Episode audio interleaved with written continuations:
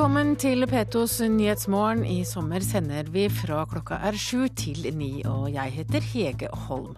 Fram til åtte så får du mer, høre mer om bl.a. disse sakene. Voldtekt rammer ikke blindt. Mange kvinner som blir voldtatt har fra før store sosiale problemer, større enn resten av befolkningen. Iran er i ferd med å lansere 140 videospill som skal styrke nasjonalfølelsen, og skurkene, de kommer fra Vesten. Og du får også høre mer om politikerfedrene som dropper ut av politikken.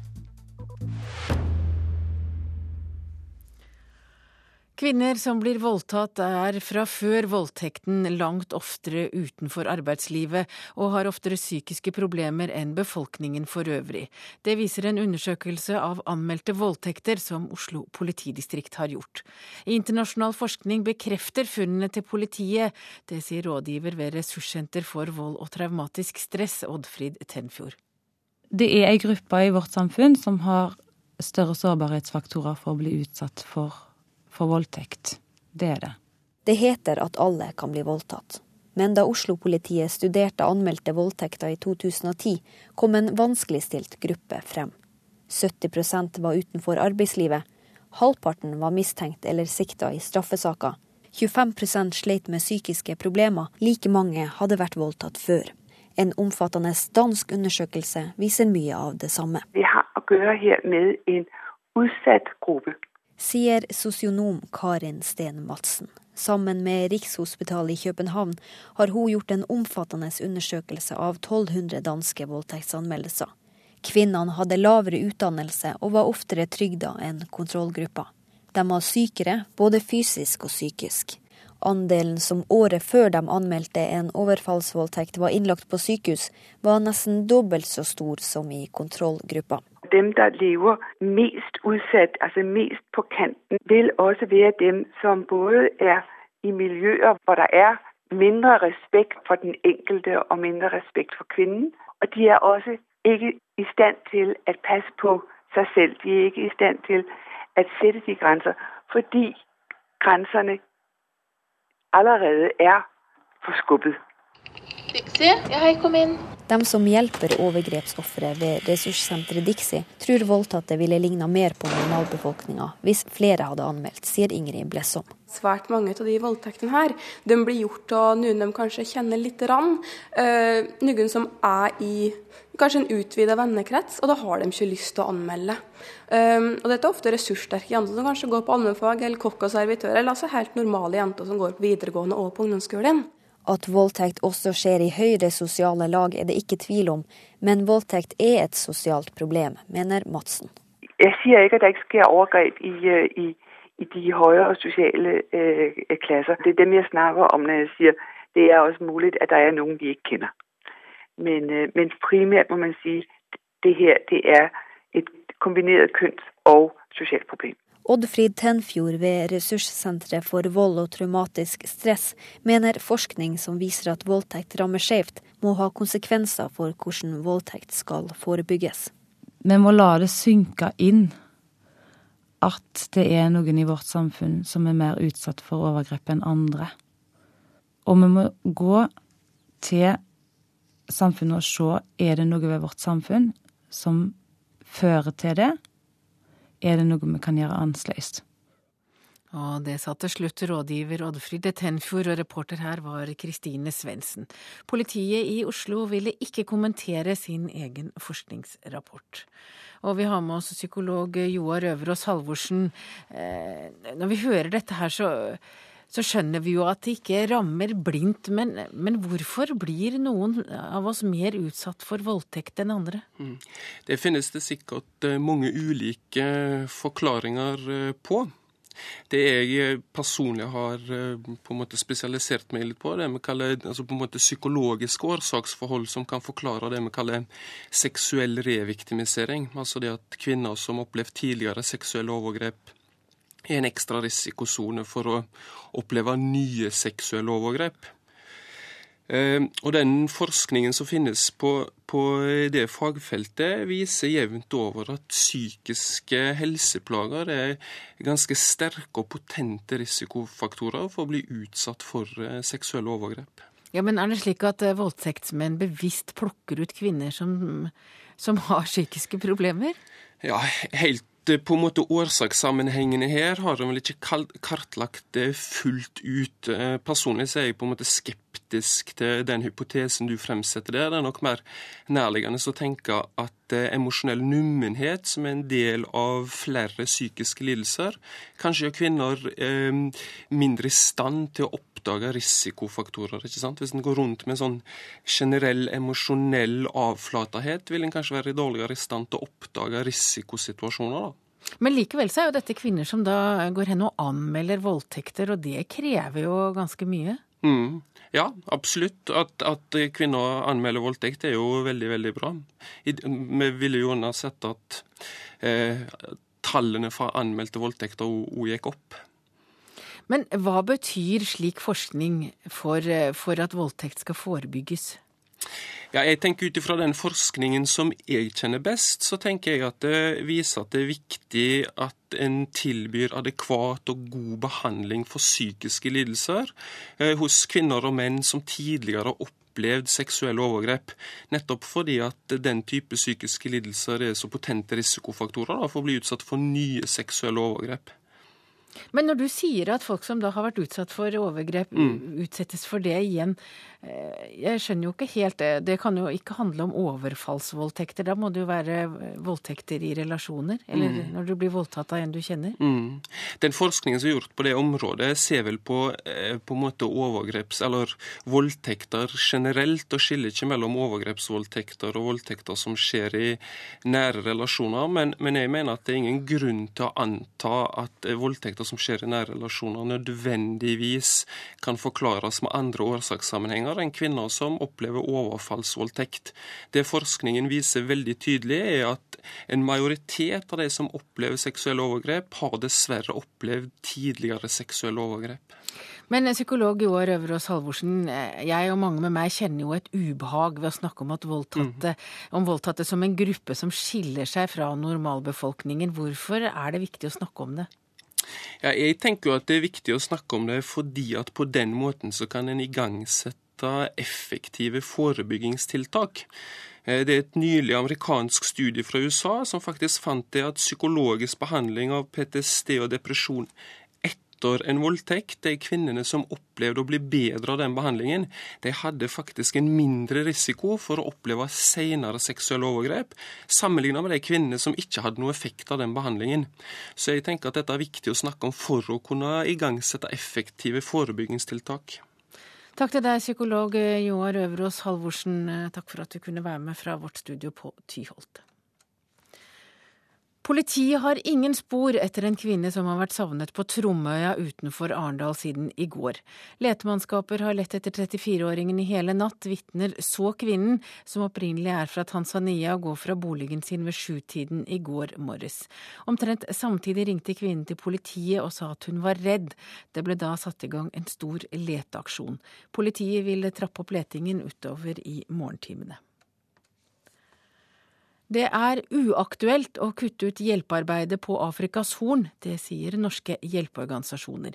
Sikkerhetssituasjonen i området er spent. I går møtte utviklingsminister Heikki Holmås Somalias statsminister i Roma, og ifølge Holmås er Somalia opptatt av å skape trygge arbeidsforhold for internasjonale hjelpearbeidere. Somalias statsminister Abdi Veli tok sjøl opp betydningen av eh, sikkerhet og den innsatsen de hadde gjort for å sørge for å frigi eh, de norske hjelpearbeiderne. Eh, og eh, de sa det, at skal vi klare å få til en, en, utvikling i landet vårt videre fremover, så er vi avhengig av at vi får en nasjonal sikkerhet på plass. Innen 20.8 i år skal Somalia få på plass både ny grunnlov, president og regjering. Ifølge Holmås er somalierne nå opptatt av å vise at de kan legge til rette for at internasjonale hjelpearbeidere kan utføre sitt arbeid i Somalia. Somaliske myndigheter har vært utrolig takknemlige for den innsatsen som Flyktninghjelpen og andre hjelpeorganisasjoner har gjort der. De ser det at veien til arbeidsplasser, grunnleggende utdanning og grunnleggende helse er gjennom å skape sikkerhet i sitt eget land, og det ønsker de støtte til. De humanitære organisasjonene ønsker også selv å forbli i regionen. Helgens hendelse i Dadab i Kenya endrer ikke på det, sier sikkerhetssjef i Flyktninghjelpen Glenn Pettersen. Det er jo ikke tvil om at behovet er der. Eh, og da bør vi som organisasjon prøve å være der og svare til det behovet. Eh, det er en utfordring i forhold til, eh, med referanse til denne hendelsen, å kunne forstå trusselbildet til alle tider. Da må bare vi være trygge på at vi har de ressursene tilgjengelig og, og gjør det som er nødvendig for å gjør de skadebegrensende tiltak som, som situasjonen krever. Også Røde Kors er tydelige overfor NRK på at de forblir på Afrikas Horn.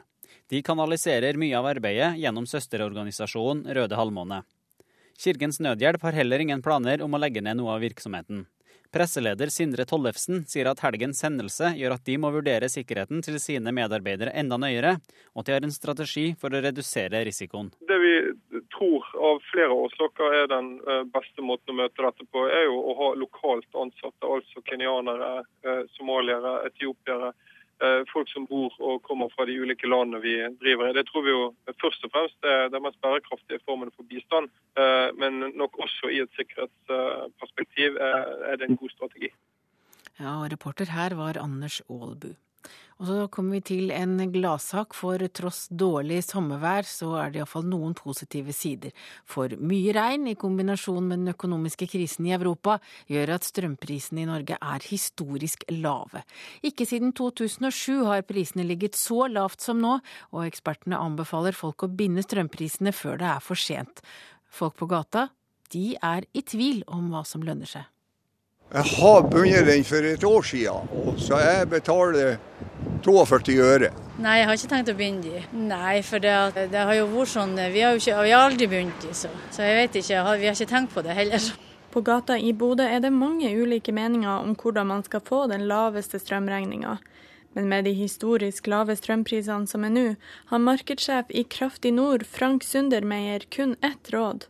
Om du tenker på å binde strømprisen, er det nå du må gjøre det. Hvis du ønsker forutsigbarhet, så er tida inne nå. Jeg tror ikke det er mange uker, om så kanskje en måned, før vi kommer til å se en økning av, av fastprisene. Og de fastprisene vi har i dag, de er også historisk lave. I dag har vi priser på to- og treårspriser på under 33 øre, og en ettårspris på under 30 øre. Sundermeier støttes av administrerende direktør i SKS Kraftsalg, Jørgen Gunnestad. Han mener at å binde strømprisene nå vil være en billig avtale. En relativt eh, rimelig forsikring å tegne, å tegne fastpris nå. Men når begynner strømprisene å stige, og hvorfor gjør de det? Vi har en stabil uh, vannsituasjon i magasinene, dvs. Si at vi er på normalnivå. Og når vi kommer til høsten, så vet vi at hvis ingenting uforutsett skjer, så skal forbruket gå opp hos, eh, hos forbrukerne. Og da vil også i en normalsituasjon prisene gå opp. Regiondirektør i Forbrukerrådet i Nordland, Torgeir Øynes, anbefaler gjerne folk å binde strømprisene, så fremt det de er ute etter er forutsigbare utgifter. Man skal ikke binde strømprisen for at man tror at man kan tjene penger på det, for det er relativt lite sannsynlig. For å binde strømprisene på lavt nivå betyr ikke nødvendigvis at man er garantert ei avkastning.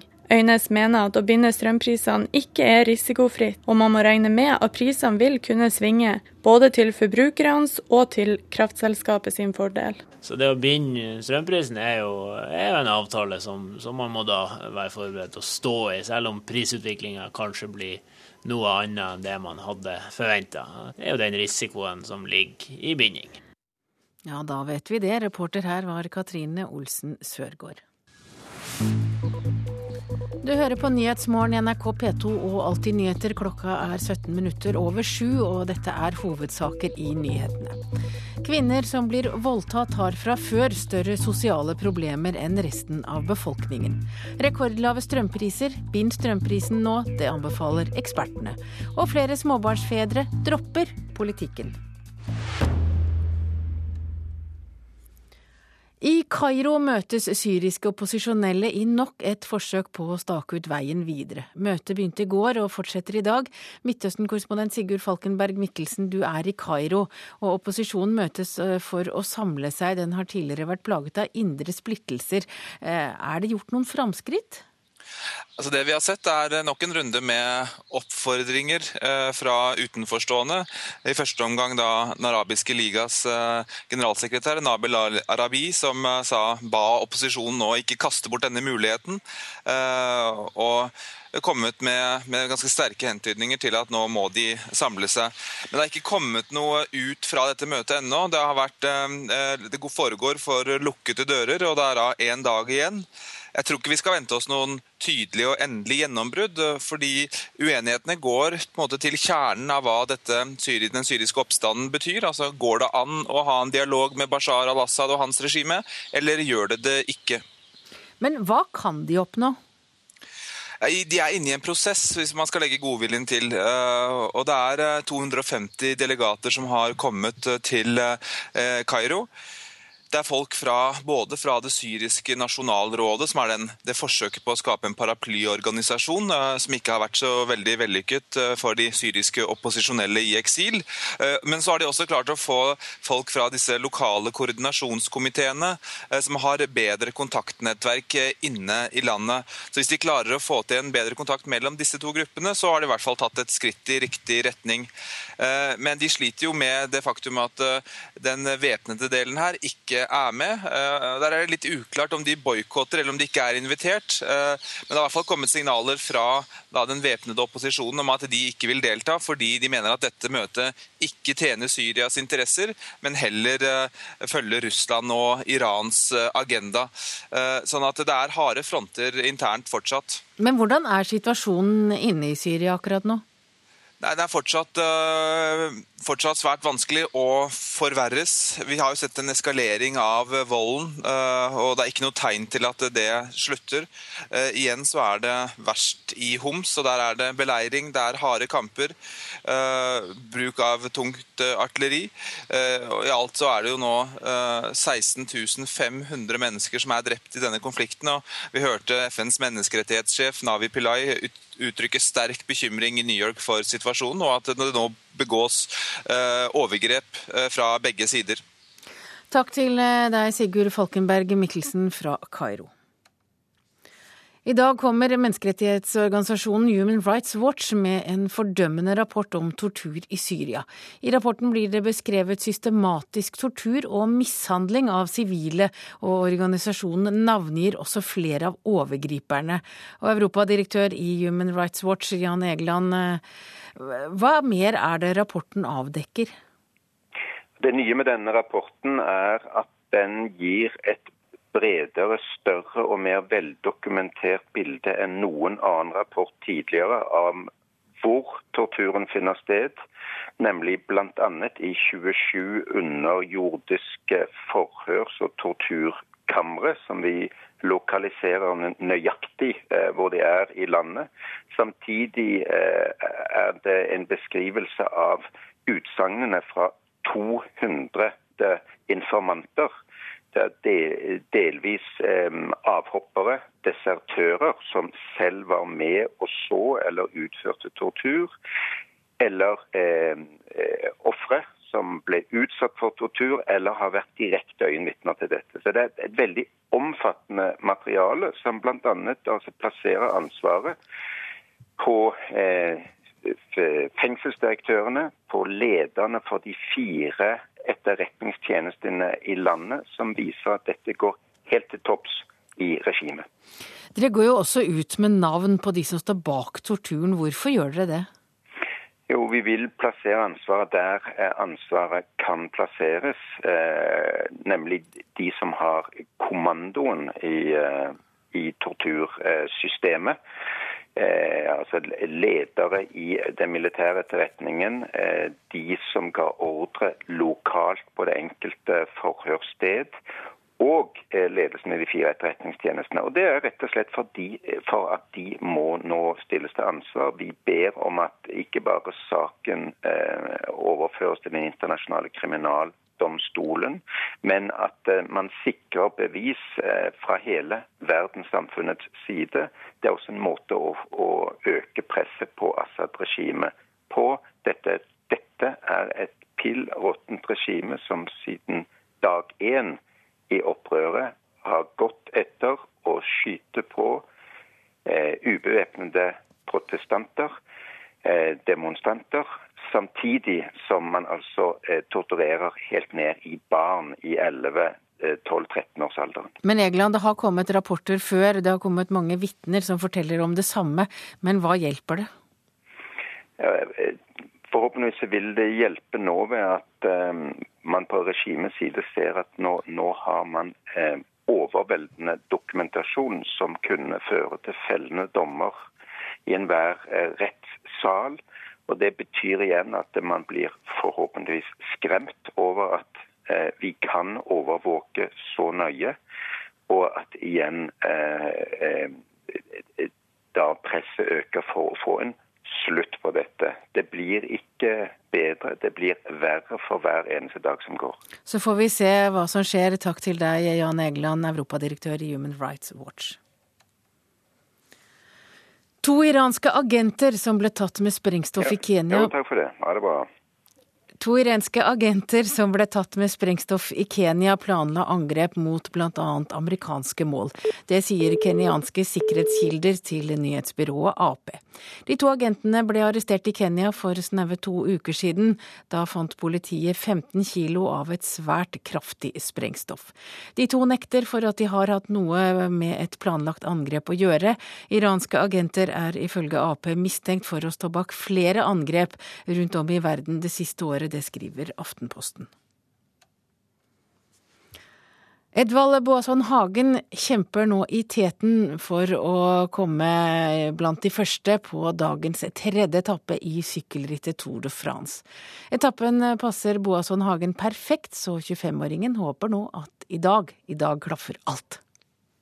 Ja, det blir, det blir, en fin dag, det er sikkert. Jeg har ikke sett så nøye på den ennå, men det er mulig at jeg får sjansen. Så da, da får vi håpe at det blir bra. Edvald Boasson Hagen er hovedsakelig tenkt en opptrekkerrolle i årets Tour de France, men i dag håper 25-åringen å få sjansen til seier. Dagens etappe avslutter i en motbakke, noe som passer Boasson Hagen perfekt, og Tour de France eneste nordmann føler formen er inne. Ja, Det kjennes greit ut. Jeg kjente, kjenner jo litt i beina, men jeg regner med alle andre gjør det òg, så da får vi se da. Og reporter her var Simen Sveen. Da har vi kommet fram til dagens ferske aviser. Aftenposten skriver at vi er glade for å være i livet, det sier Astrid Sehl og de tre andre hjelpearbeiderne som ble kidnappa i Kenya fredag da de landet i Nairobi i går. Gislene ble befridd under en skuddveksling i Somalia, skriver avisen. Nytt håp for utviste barn, skriver Klassekampen. Høyesterett skal prøve flere saker der utlendingsmyndighetene tvangsutsender asylsøkerbarn. Konsernsjef i Yara har tidligere sagt at Yara ble møtt med pengekrav i Libya. Nå viser en rapport at selskapet i 2007 selv tok initiativ til flere utbetalinger, skriver Dagens Næringsliv. Eksplosjon i tallet på stjålne bilskilt som brukes til nye lovbrudd. Det skriver Stavanger Aftenblad i dag. Foreldrene punger ut for barnas bolig, skriver Adresseavisen. Omkring halvparten av unge under 34 år som kjøper bolig, får økonomisk hjelp av foreldrene, ifølge Fokus Bank. Tromsø fylkeskommune ble frastjålet datautstyr for mange tusen kroner, men de oppdaget ikke tyveriet før de hadde sendt tyven av sted med taxi. Det skriver avisen Nordlys. Det er kjøpetid på Dagbladets forside. Tiden er inne for å gjøre kupp både på bolig- og bruktbilkjøpmarkedet, skriver avisen. Kirkedepartementet har bedt Oslo domkirke om å arrangere minnegudstjeneste 22.07. Humanetikere og Samarbeidsrådet for tros- og livssynssamfunn de reagerer, skriver Vårt Land. Og Dagsavisen kan i dag fortelle at vin vinner fram. Stadig flere dropper øl til fordel for vin. Det handler også om at kvinner drikker stadig mer, og øl er tradisjonelt en mannsdrikk. Det sier professor Runar Døving til Dagsavisen. Nå skal det dreie seg om muslimske krigsspill der skurkene er fra Vesten. Iran er i ferd med å lansere 140 videospill som skal styrke nasjonalfølelsen. Myndighetene har nemlig sett seg lei på den vestlige kulturinnflytelsen, og prøver nå fram til yngre generasjoner gjennom dataspill. Jeg vil kalle det for en kulturell krigsføring. Kanskje mer en sånn motreaksjon. Fordi de føler at de er, de er martyrer i denne krigen. da. Ifølge norsk-iranske Sharam Al-Ghazi er Irans dataspill nærmest en kopi av de vestlige krigsspillene. I bakgrunnen hører du det amerikanske krigsspillet Battlefield 3, der amerikanske soldater kjemper i Afghanistan.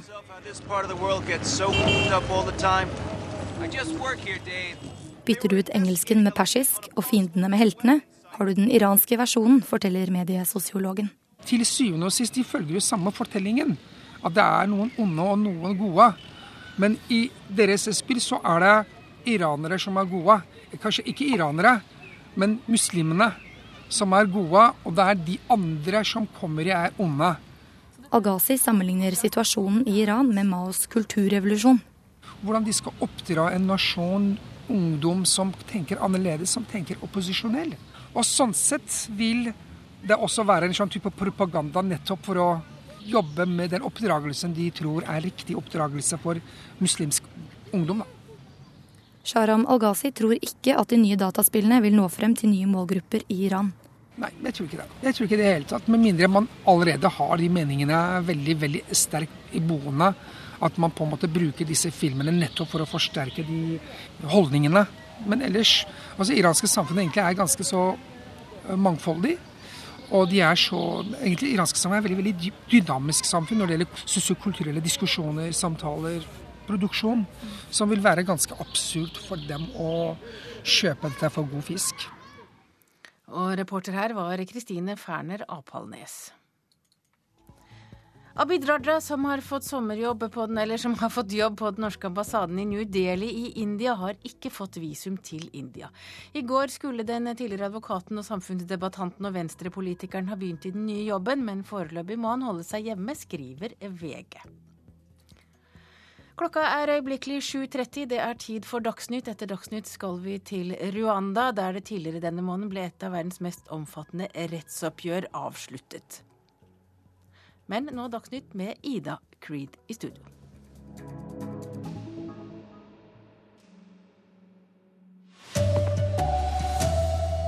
Noen kvinner har økt risiko for å bli voldtatt, viser forskning.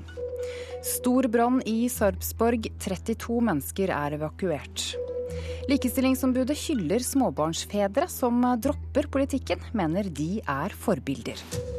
God morgen, her er NRK Dagsnytt klokken er 7.30. Kvinner som blir voldtatt er fra før langt oftere utenfor arbeidslivet og har oftere psykiske problemer enn resten av befolkningen. Det viser en undersøkelse av anmeldte voldtekter som Oslo politidistrikt har gjort. Internasjonal forskning bekrefter funnene til politiet, sier rådgiver ved Ressurssenter for vold og traumatisk stress, Oddfrid Tenfjord. Det er ei gruppe i vårt samfunn som har større sårbarhetsfaktorer for å bli utsatt for for voldtekt. Det er det. Det heter at alle kan bli voldtatt. Men da Oslo-politiet studerte anmeldte voldtekter i 2010, kom en vanskeligstilt gruppe frem. 70% var utenfor arbeidslivet. Halvparten var mistenkt eller sikta i straffesaker. 25% sleit med psykiske problemer. En omfattende dansk undersøkelse viser det samme. Vi har å gjøre her med en utsatt gruppe. Sier sosionom Karin Sten Madsen. Da hun så på 1200 voldtektsanmeldelser i Danmark, viste det seg at kvinnene hadde lavere utdanning og var oftere trygda enn kontrollgruppa. De hadde flere psykiske og fysiske problemer og brukte mer angstdempende medisin. Og dem som lever mest utsatt, altså mest på kanten, vil også være dem som både er i miljøer hvor det er mindre respekt for den enkelte og mindre respekt for kvinnen. Og de er også ikke i stand til å passe på seg selv. De er ikke i stand til å sette de grenser. Men de som hjelper voldtatte ved ressurssenteret Dixie, tror voldtatte ville ligna mer på normalbefolkninga hvis flere hadde anmeldt, sier Ingrid Blessom. Dersom forskeren kun forska på de anmeldte voldtektene, så kunne jeg godt ane at det stemmer. Men mitt inntrykk her på Dixie er i hvert fall at det rammer utrolig bredt. Rådgiver Oddfrid Tenfjord er enig i at tallene nødvendigvis ikke er representative for alle som blir voldtatt. Men det sier noen ting om at det er noen som er mer utsatt for overgrep enn andre, og det må vi ta på alvor. Politiet i Oslo har ikke villet kommentere sin egen forskningsrapport. Reporter Kristine Svendsen. Psykolog Joar Øverås Halvorsen ved NTNU bekrefter at det ikke er tilfeldig hvem som blir voldtatt. Psykiske helseplager er ganske sterke og potente risikofaktorer for å bli utsatt for eh, seksuelle overgrep. Ja, men Er det slik at eh, voldtektsmenn bevisst plukker ut kvinner som, som har psykiske problemer? Ja, helt på en måte årsakssammenhengene her har de vel ikke kartlagt det fullt ut. Eh, personlig så er jeg på en måte skeptisk til den hypotesen du fremsetter der. Det er nok mer nærliggende å tenke at eh, emosjonell nummenhet, som er en del av flere psykiske lidelser, kanskje gjør kvinner eh, mindre i stand til å oppdage risikofaktorer. ikke sant? Hvis en går rundt med en sånn generell emosjonell avflatahet, vil en kanskje være dårligere i stand til å oppdage risikosituasjoner. da. Intervjuer eh, Hege Holm. Det brenner i en eldre trebygning i eh, Sarpsborg i Østfold, og 32 personer er evakuert. Det er fare for at hele bygningen må rives. Og reporter Cornelia Bjørke Hill, eh, hvordan ser det ut der du står? Cornelia Bjørke Hill, hører du meg? Jeg hører deg. Hvordan ser det ut der du står? Her eh, er det ganske kaotisk akkurat nå. Det er eh, mye slukking som gjenstår fremdeles. Gravemaskinen som skal passe på at denne bygningen blir revet kontrollert, ankom akkurat. Og jeg står sammen med brannleder her, Petter Jenseg. Hvordan går det i forhold til brannen nå? Nå har brannen kommet over en etterslukningsfase. Og pga. at vi anser faren for at bygget skal rase som stor, så har vi rekvirert en eh, gravemaskin som skal prøve å få dette kontrollert ned, iallfall deler av bygget. Men det brenner også fremdeles inne i eh, huset. Vi ser flammer her, og vi ser mye røyk. Hva betyr det å rive i en sånn fase av brannen? Kan du gjenta? Hva betyr det å rive i en sånn fase av brannen når vi ser at eh, det også er flammer der? Nei, Det gjør i grunnen bare enklere for oss å få slukka det som er igjen. Det Bygget er jo totalskade uansett. Så etterslukkinga vil ta atskillig kortere tid på den måten. Vi har stått her noen timer nå og også sett at eh, bygningen buler utover her. Og det er også flere deler av veggen som har eh, rast ned. Hvor kontrollert er rivingen nå? Vi anser den som kontrollert. Det er veldig vanskelig å være 100% sikker, sånn som det bygget ser ut nå. Men det er jo for å unngå Hva skal jeg si situasjoner som kan oppstå. Da. Og Brannvesenet fortsetter nå slukningsarbeidet. 32 personer er altså evakuert og i sikkerhet. Takk til deg, reporter Cornelia Bjørke Hill. Flere småbarnsfedre på Stortinget dropper politikken. Likestillingsombudet hyller dem. De kan fungere som forbilder når det gjelder å ta vare på familie og barn? Nei, jeg har konkludert med at eh, jeg ikke ønsker å ta en ny periode på Stortinget. Senterpartiets Erling Sande har to stortingsperioder i Oslo bak seg. Men han har også to barn hjemme i Nordfjord. Én på to måneder, én på to år. Ja, det var ikke et veldig vanskelig valg når en ukependler og av og til vekker flere uker i strekk. Så blir det lite en får sett til ungene, og det blir mer arbeid på den som da er hjemme. Tre andre småbarnsfedre på Stortinget har så langt konkludert med at de gjør som han. Thomas Breen og Gordon Kjernli i Ap, og FrPs Tord Lien. Jeg har konkludert med at når, eh, når, min datter skal begynne på skole neste høst, så blir det enda viktigere å være, eh, at vi er to foreldre hjemme, og har da konkludert med at, eh, at det er på tide å, å finne seg jobb i Trondheim, flytte hjem fra Oslo. Liens partikollega Ketil Solvik-Olsen er den mest profilerte småbarnsfaren som er i tenkeboksen. Det er eh, gledelig å se at menn også ønsker å ta ansvar for barna sine. Det sier nestleder hos Likestillingsombudet Elisabeth Lier Haugseth, som tror fedrenes valg hadde vært annerledes for en generasjon siden. Kan nok tenke seg at de hadde valgt ganske annerledes, mange av dem. Det er synd om småbarnsforeldre kjenner seg pressa ut av politikken, mener hun. Men det er bra at det ikke bare er kvinner som dropper karrieren. Ja, Det viser jo at vi eh, nok er på vei til en jevnere fordeling eh, av ansvaret for eh, familie og barn, og det er bra. Småbarnsfedre, reportere Bjørn Myklebust og Håvard Grønli. Forbud mot omskjæring av guttebarn er ikke aktuell politikk i Norge, ifølge helseminister Anne Grete Strøm Eriksen. I stedet skal inngrepene skje på sykehus. Det blir trolig også konklusjonen når Helsedepartementet skal ta stilling til omskjæring av gutter i Norge, skriver VG. Så skal vi ut, land, ut, av Norge, for i Mexico så hagler påstandene om valgfusk etter presidentvalget. Presidentkandidat André Manuel Lopez nekter å gi seg. Jeg kan ikke akseptere resultatet før vi er helt sikre på at det ikke var noe juks, sier Obrador. Jeg snakket med Obama, og han anerkjenner vårt demokrati, sier Enrique Peña Nito, som fikk 38% av stemmene mot Obradors 32. Men sistnevnte vil gå til retten. Sa utenriksmedarbeider Øyvind Nyborg. Så sport. Etter en lang periode med svake sportslige resultater skulle Vålerenga i går starte på nytt i kampen mot Ålesund, men etterpå fikk kaptein Kristoffer Hestad spørsmål om hvorfor flere av lagkameratene var på byen under to døgn før. Nei, det har jeg ikke hørt om. Det hørtes veldig spesielt ut. Så det jeg har egentlig vanskelig for å tro at det stemmer. Så, så det er ikke noe, ikke noe, jeg har hørt. i fall. Det er vel egentlig bare sunn fornuft som tilsier at ikke du drar på, på, på, byen såpass tett opp mot en kamp. Men NRK vet at flere av spillerne var på byen til langt på natt på lørdag, under to døgn før den viktige kampen mot Ålesund, som endte 0-0. Etter fire kamper uten seier i serien og tap i cupen for førstedivisjonslaget Sandefjord, var ikke det den oppladningen trener Martin Andresen helst hadde sett. Han hadde ikke hørt om byturen, men svarte likevel dette.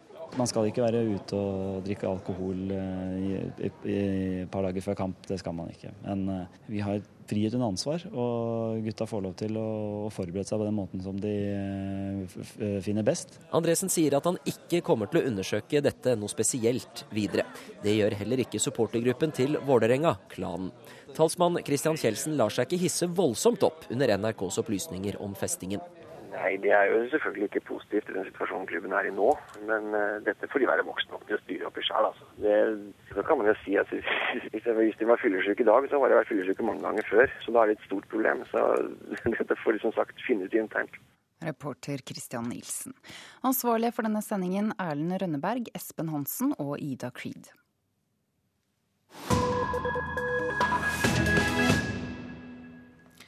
Hører på P2s Nyhetsmorgen. Klokka er ti minutter over halv åtte, og vi skal til Rwanda. For tidligere denne måneden ble et av verdens mest omfattende rettsoppgjør avsluttet.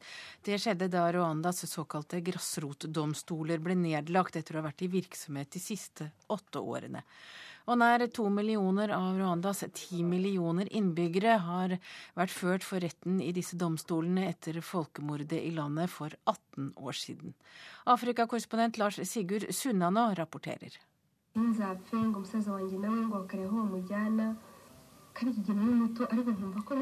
Jeg var veldig ung, men jeg forsto at han ville ha meg som kone, eller at han hadde til hensikt å voldta meg.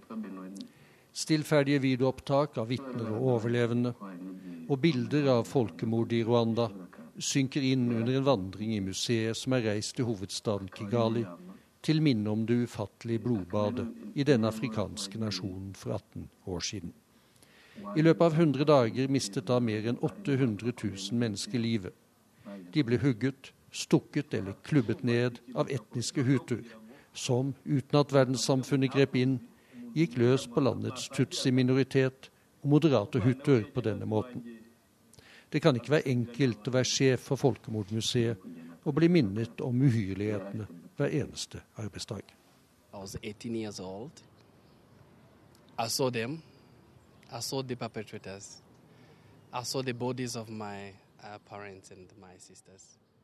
Jeg var 18 år gammel. Jeg så dem. Jeg så gjerningsmennene sier Freddy Mutangua. Jeg så likene av mine foreldre og mine søstre.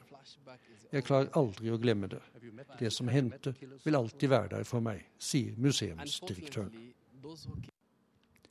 Militært var det tutsiene som vant borgerkrigen i Rwanda for 18 år siden.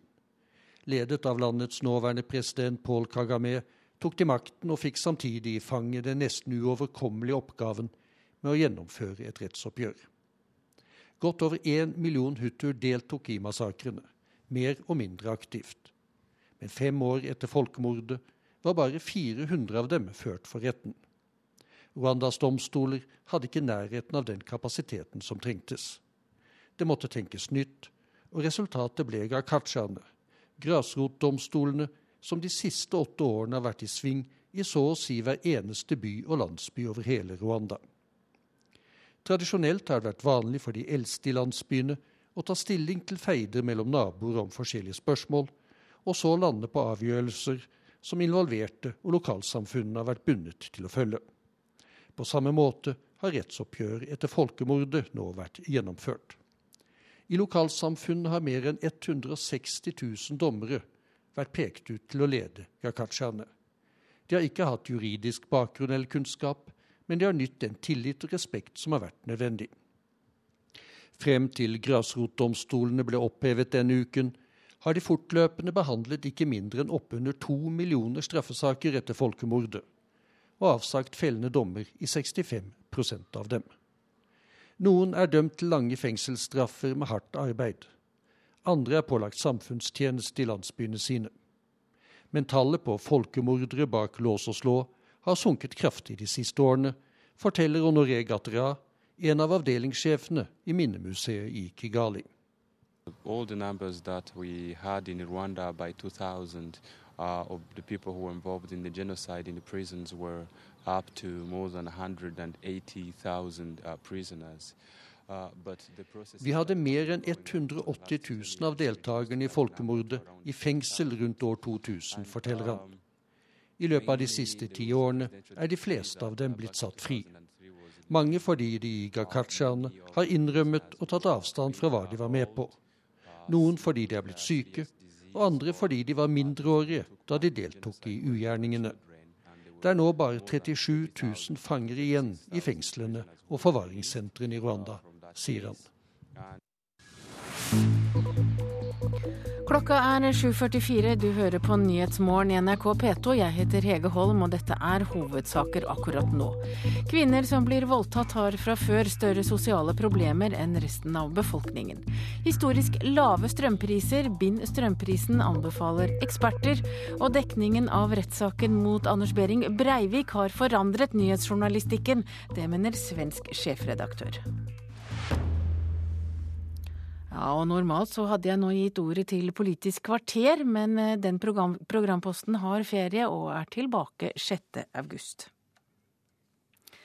Flere småbarnsfedre på Stortinget dropper politikken. Likestillingsombudet hyller politikerfedrene som forbilder.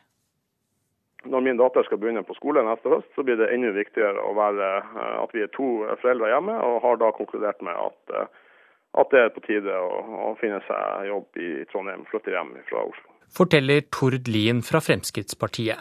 Men det er klart det at når en ukependler og av og til vekker flere uker i strekk, så blir det lite en får sett til ungene, og det blir mer arbeid på den som da er hjemme. Sier Erling Sande fra Senterpartiet. Så din politiske karriere er over?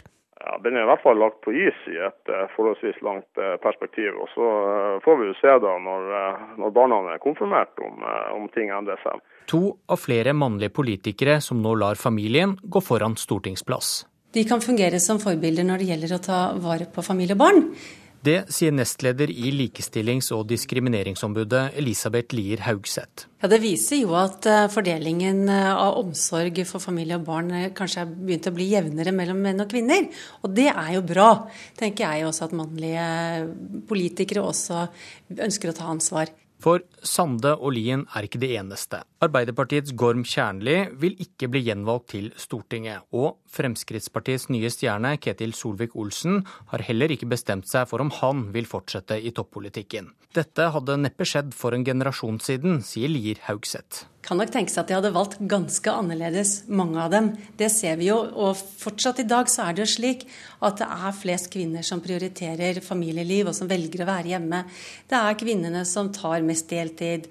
Eh, og sånn er det nok fortsatt, men det er eh, gledelig å se at menn også ønsker å ta ansvar for barna sine.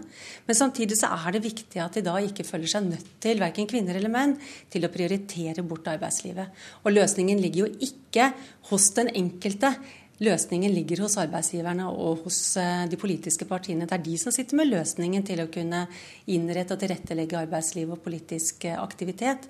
Så det er mulig å kombinere. Det er mulig det har endra seg, seg, noe, men jeg tror jo at det også før eh, var utfordringer knyttet knytt til det når en hadde små unger. Hvis jeg prøver å framstille meg som en uh, veldig moderne og likestilt mann, så tror jeg nok min kone uh, ikke vil si seg helt enig i det.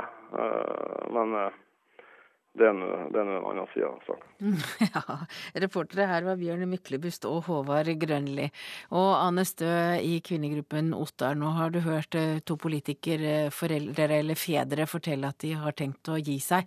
Er dette et steg i riktig retning for likestilling mellom kjønn, mener du? Ja, jeg syns absolutt at det er positivt at uh, småbarnsfedre nå må uh, tenke på omsorgsoppgavene sine, uh, og at det ikke lenger er selvsagt hvem av foreldrene i husstanden som, som, skal bruke tid på karriere. Men det at verken småbarnsmødre eller fedre føler at politikken er et sted de kan være, er ikke det et tilbakeslag, egentlig? Det hørte ikke jeg ut fra denne saken, men at eh, fedrene eh, nå har lyst til å ta ansvar hjemme, eh, og at det er et forhandlingsspørsmål i større grad hvem som skal få satse på politikken. Altså, En ting er jo arbeidslivet og det å kunne ha en jobb og en lønn å leve av, hvor det fremdeles er et stykke igjen for, for kvinner i Norge. Men politikk er jo eh, noe ekstraordinært. Det er jo noe, eh, noe som man må delta i eh, både ja, kvelds- og helgearbeid. Eh, og det er klart at eh, det har omkostninger for familien. og det har hatt omkostninger for politikerfamilier tidligere, når mennene har storma av gårde til Stortinget. Vil du si at menn som velger vekk karrieren til fordel for barn og familieliv, er forbilder? Ja, jeg, det vil jeg jo eh, rett og slett si at det skaper jo noen modeller i forhold til eh, familielivet eh, her i landet. Men eh, ja, jeg syns det var en kledelig beskjedenhet han ene hadde her. Det, det er ikke så voldsomt stort lenger at, at fedre og prioritere familielivet. Eh, så det, Nei, du blir ikke jo... rista i sjelen av å høre to unge menn som trekker seg akkurat nå for de er midt i et livsløp der barna er små? Nei, ikke sant. Altså, det er jo noe vi er, vi er, vant til å se. Eh, men eh, det er jo fremdeles et stykke igjen til vi har en lik fordeling av makt og penger mellom kjønnene i dette landet. Eh, og for at kvinner skal i større grad komme inn der hvor makt og penger fordeles, så må jo òg mennene eh, i noen grad trekke seg tilbake. Og det kan jo like gjerne være for å skifte bleier som for noe annet. Men hvem sitter igjen i politikken da, dersom eh, alle familiemennesker trekker seg ut?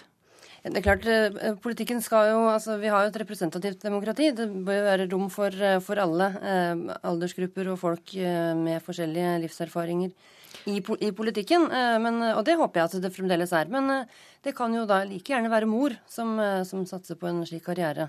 Og det er jo et viktig poeng i demokratiets navn. Men nå hører vi altså, her hørte vi to fedre som trekker seg ut, og vi hørte at det er flere som har tenker å gjøre det samme. Tror du at det vil få partiene til å tenke på en annen måte, slik at de vil kanskje legge forholdene til rette, slik at småbarnsforeldre kan, kan også finne plass i politikken? Ja, Det får vi jo håpe. Altså, det at nå menn trekker seg ut. Kvinner har jo sagt og gjort det før. Ikke sant. Eh, men kvinners inntog òg i, eh, i, arbeidslivet og i politikken har jo eh, tvunget fram store barnehageprosjekter osv.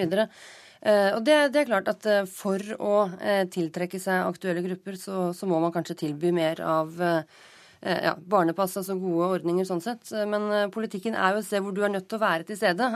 Og hvis du har en nanny på slep, så er det jo mange norske foreldre som ikke vil synes at det er en fullgod barndom. Eh, det er ikke den barndommen vi har lyst til å, til å gi barna våre. Eh, men, eh, men, det er klart at politikken må tilrettelegges for, for alle grupper. Og nå er det i hvert fall småbarnsforeldre av begge kjønn, kjønn som har innsett at det er ikke så enkelt, så får vi se hva som skjer. Takk til deg, Ane Stø fra kvinnegruppa Ottar. Breivik-saken skaper fortsatt stor interesse i Sverige. Under den svenske politikeruken som pågår på Gotland, ble mediedekningen av saken diskutert. VG-redaktør Tori Pedersen møtte en svensk ekspert på høyreekstremisme, og Aftonbladets sjefredaktør til diskusjon og selvransakelse. Det som hender eh, på alle nyhetsredaksjoner ved sånne her eh, hendelser, er at man snabbt vender seg. Man går snabbt inn i en boble, og alle er så veldig oppgiftsfokuserte. Och det är bra att ha någon utanför som, som ser och reagerar på, på framförallt bildflödet på ett annat sätt. Det er tett i tett med tilskuere når sjefredaktør Jan Helin i Aftonbladet oppsummerer sitt syn på hvordan Sveriges største avis, altså hans egen, løste dekningen av rettssaken mot Anders Behring Breivik. Helin synes ikke at norske og svenske medier ga Anders Behring Breivik en for viktig talerstol under rettssaken. Man gav ham definitivt en stor scen. Men det er uundvikelig, mener jeg, i eh, kombinasjonen av moderne medier og en åpen rettsstat. Jeg tror at vi har sett en utvikling av nyhetsjournalistikken. Eh, det, det, som vi kaller for realtidsrapportering, reportere som bokstavelig skriver og publiserer i samme stund, eh, har fått et gjennombrudd. Fra nok en sidelinje fra svensk forskerhold mener også Anna-Lena Lodenius at mediene gjennomgående gjorde en god jobb i sin dekning av terrorrettssaken. Og etter journalistene er det nå forskernes tur til for alvor å granske saken, og framfor alt Anders Behring Breivik selv, mener den svenske eksperten på høyreekstremisme. Det normale når man begår et massmord, er jo at man tar livet av seg selv. Eh, og det er jo unikt at han ikke har gjort det. Och att han står här, han är öppen, vi kan forska på honom, inte bara på, på det han gjorde utan faktiskt också på honom som person. Han kommer att leva vidare bland oss även om man låser in honom. VG-redaktør Torje Pedersen er vel kjent med den kolossale svenske interessen for Breivik-saken. Han har allerede deltatt i flere mediedebatter om saken i Sverige, og mener det er interessant å diskutere saken ut fra et nabolandsperspektiv det, er jo perspektiver du eh, bare kan forstå hvis du har vært i Norge eh, når du har eh, arbeidet med denne saken. De har jo en mer, kan ha en mer distansert holdning til det, og det tror jeg er nyttig. Ja, og det sa VG-redaktør Torry Pedersen til reporter Kjell Pilstrøm. Forbud mot omskjæring av guttebarn er ikke aktuell politikk i Norge, ifølge helseminister Anne Grete Strøm Eriksen. I stedet skal inngrepene skje på sykehus. Det blir også trolig konklusjonen når Helsedepartementet skal ta stilling til omskjæring av gutter i Norge, det skriver VG. Senterpartiet har flere ganger tatt til orde for å forby rituell omskjæring av gutter. Oljeprisen kan komme til å falle kraftig innen 2020. Det er konklusjonen i en rapport som nylig ble utgitt av ved det prestisjetunge Harvard University i USA. Forfatteren bak rapporten mener verdens oljeproduksjon vil øke betydelig de neste årene. Let's take a look at the horizontal drilling and stimulation processes that have made shale exploration so successful. Slik starter en promoteringsvideo laget av det amerikanske oljeselskapet Breitling, der prosessen med utvinning av olje fra såkalt oljeskifer presenteres. Og nettopp oljeskifer og andre relativt nye oljekilder står sentralt i rapporten som nylig ble publisert ved Harvard-universitetet i USA. Forfatteren bak rapporten, Leonardo Moscheri, er tidligere visedirektør i det italienske oljeselskapet Eni. Ifølge Mosheri er det nå planlagt så mange nye oljeprosjekter at verdens oljeproduksjon kan komme til å øke fra dagens 93 millioner fat per dag til over 110 millioner fat per dag i løpet av 2020. Og som forfatteren selv sier i et intervju lagt ut på universitetets hjemmesider If I'm right and this production is, uh, is, is making its way on the market, we will face sooner or later, later a collapse of oil prices. Mosheri skriver i rapporten at det er flere usikkerhetsmomenter, men at det mest sannsynlige er et oljeprisfall en gang mellom 2015 og 2020. I rapporten antyder han at prisen kan falle under 70 dollar fatet, muligens også under 50-tallet. Petroleumsrådgiver Hans Henrik Ramm mener det i så fall vil minne om et mønster man har sett tidligere i historien. Når du har perioder med høye priser, så får du veldig høye investeringer. Og de fortsetter lenge, drevet av de høye prisene helt til de nye investeringene fører til økt produksjon og dermed prisfall. Oljeanalytiker Tina Saltvedt i Nordea Markets mener Morseris analyse er interessant. Det er klart at Med den utviklingen som han skisserer på tilbudssiden, så er det ikke umulig at oljeprisen kan falle kraftig fra dagens nivå. Og Det er jo fordi at eh, tilbudet av olje, eh, som lenge har vært veldig begrenset, det har hengt veldig lenge etter, på tross av at oljeprisen har økt mye. Det ser nå ut til å lette. Og så har man fått tilgang til veldig mange nye kilder som man ikke før så for kanskje en fem års tid siden. Og det gjør jo at tilbudssiden nå ser helt annerledes ut eh, enn det den gjorde kanskje for en fem års tilbake. Og reporter her var Halvard Norum. Da har vi kommet fram til et værvarsel her i P2s Nyhetsmorgen. Det ventes eh, til dels eh, pent, eh, eller i fjellet i Sør-Norge ventes det til dels pent vær i nord, men tilskyende fra i sør. Fra i formiddag litt regn sør for Haukeli, og fra ettermiddag også videre nordover i Langfjellene. Østland og Telemark skyet eller delvis skyet oppholdsvær. Fra i ettermiddag litt regn i Telemark, særlig i vest. I kveld spredt regn også på Østlandet. Agder skyet litt regn først i vest, men lite eller ingen nedbør nær kysten i øst. Rogaland og Hordaland sørøst bris, til dels liten kuling på kysten i sør. For det meste skyet perioder med litt regn eller yr i Rogaland fra Etne og også videre nordover. Sogn og Fjordane, der ventes det delvis skyet oppholdsvær, etter hvert litt regn eller yr, først i sør. Møre, Romsdal og Trøndelag utrygt for enkelte regnbyger i Nord-Trøndelag, for øvrig til dels pent vær. Nordland litt regn vesentlig i nord, fra i ettermiddag stort sett oppholdsvær, til dels pent vær i sør. Troms nordvestlig frisk bris først på dagen, liten kuling i nord og skyet litt regn, men gradvis minkende nedbør utover dagen. Kyst- og fjordstrøkene i Vest-Finnmark nordvestlig frisk bris, periodevis stiv kuling på kysten. Regn fra i ettermiddag eller kveld minkende nedbør. Øst-Finnmark og Finnmarksvidda dreining til nordvestlig frisk bris, og fra i ettermiddag periodevis stiv kuling utsatte steder på kysten. Regn av og til, mest i nord. Nordensjøland på Spitsbergen skyet litt regn av og til. Så har vi temperaturer målt klokka fem. Svalbard lufthavn seks, Kirkenes 13, Vardø 9, Alta 11, Tromsø-Langnes 8, Bodø 9, Brønnøysund 11, Trondheim-Værnes 9, Molde 11, Bergen-Flesland 11, Stavanger 12, Kristiansand-Kjevik 12, Gardermoen 10, Lillehammer 6, Røros 5 og Oslo-Blindern hadde 12 grader. Klokka er øyeblikkelig åtte. Da er det tid for eh, et, eh, en nyhetsbulleteng. Produsent for Nyhetsmorgen er Ellen Borge Christoffersen, og jeg heter Hege Holm. Og etter åtte er det tid for Kulturnytt her i P2s Nyhetsmorgen.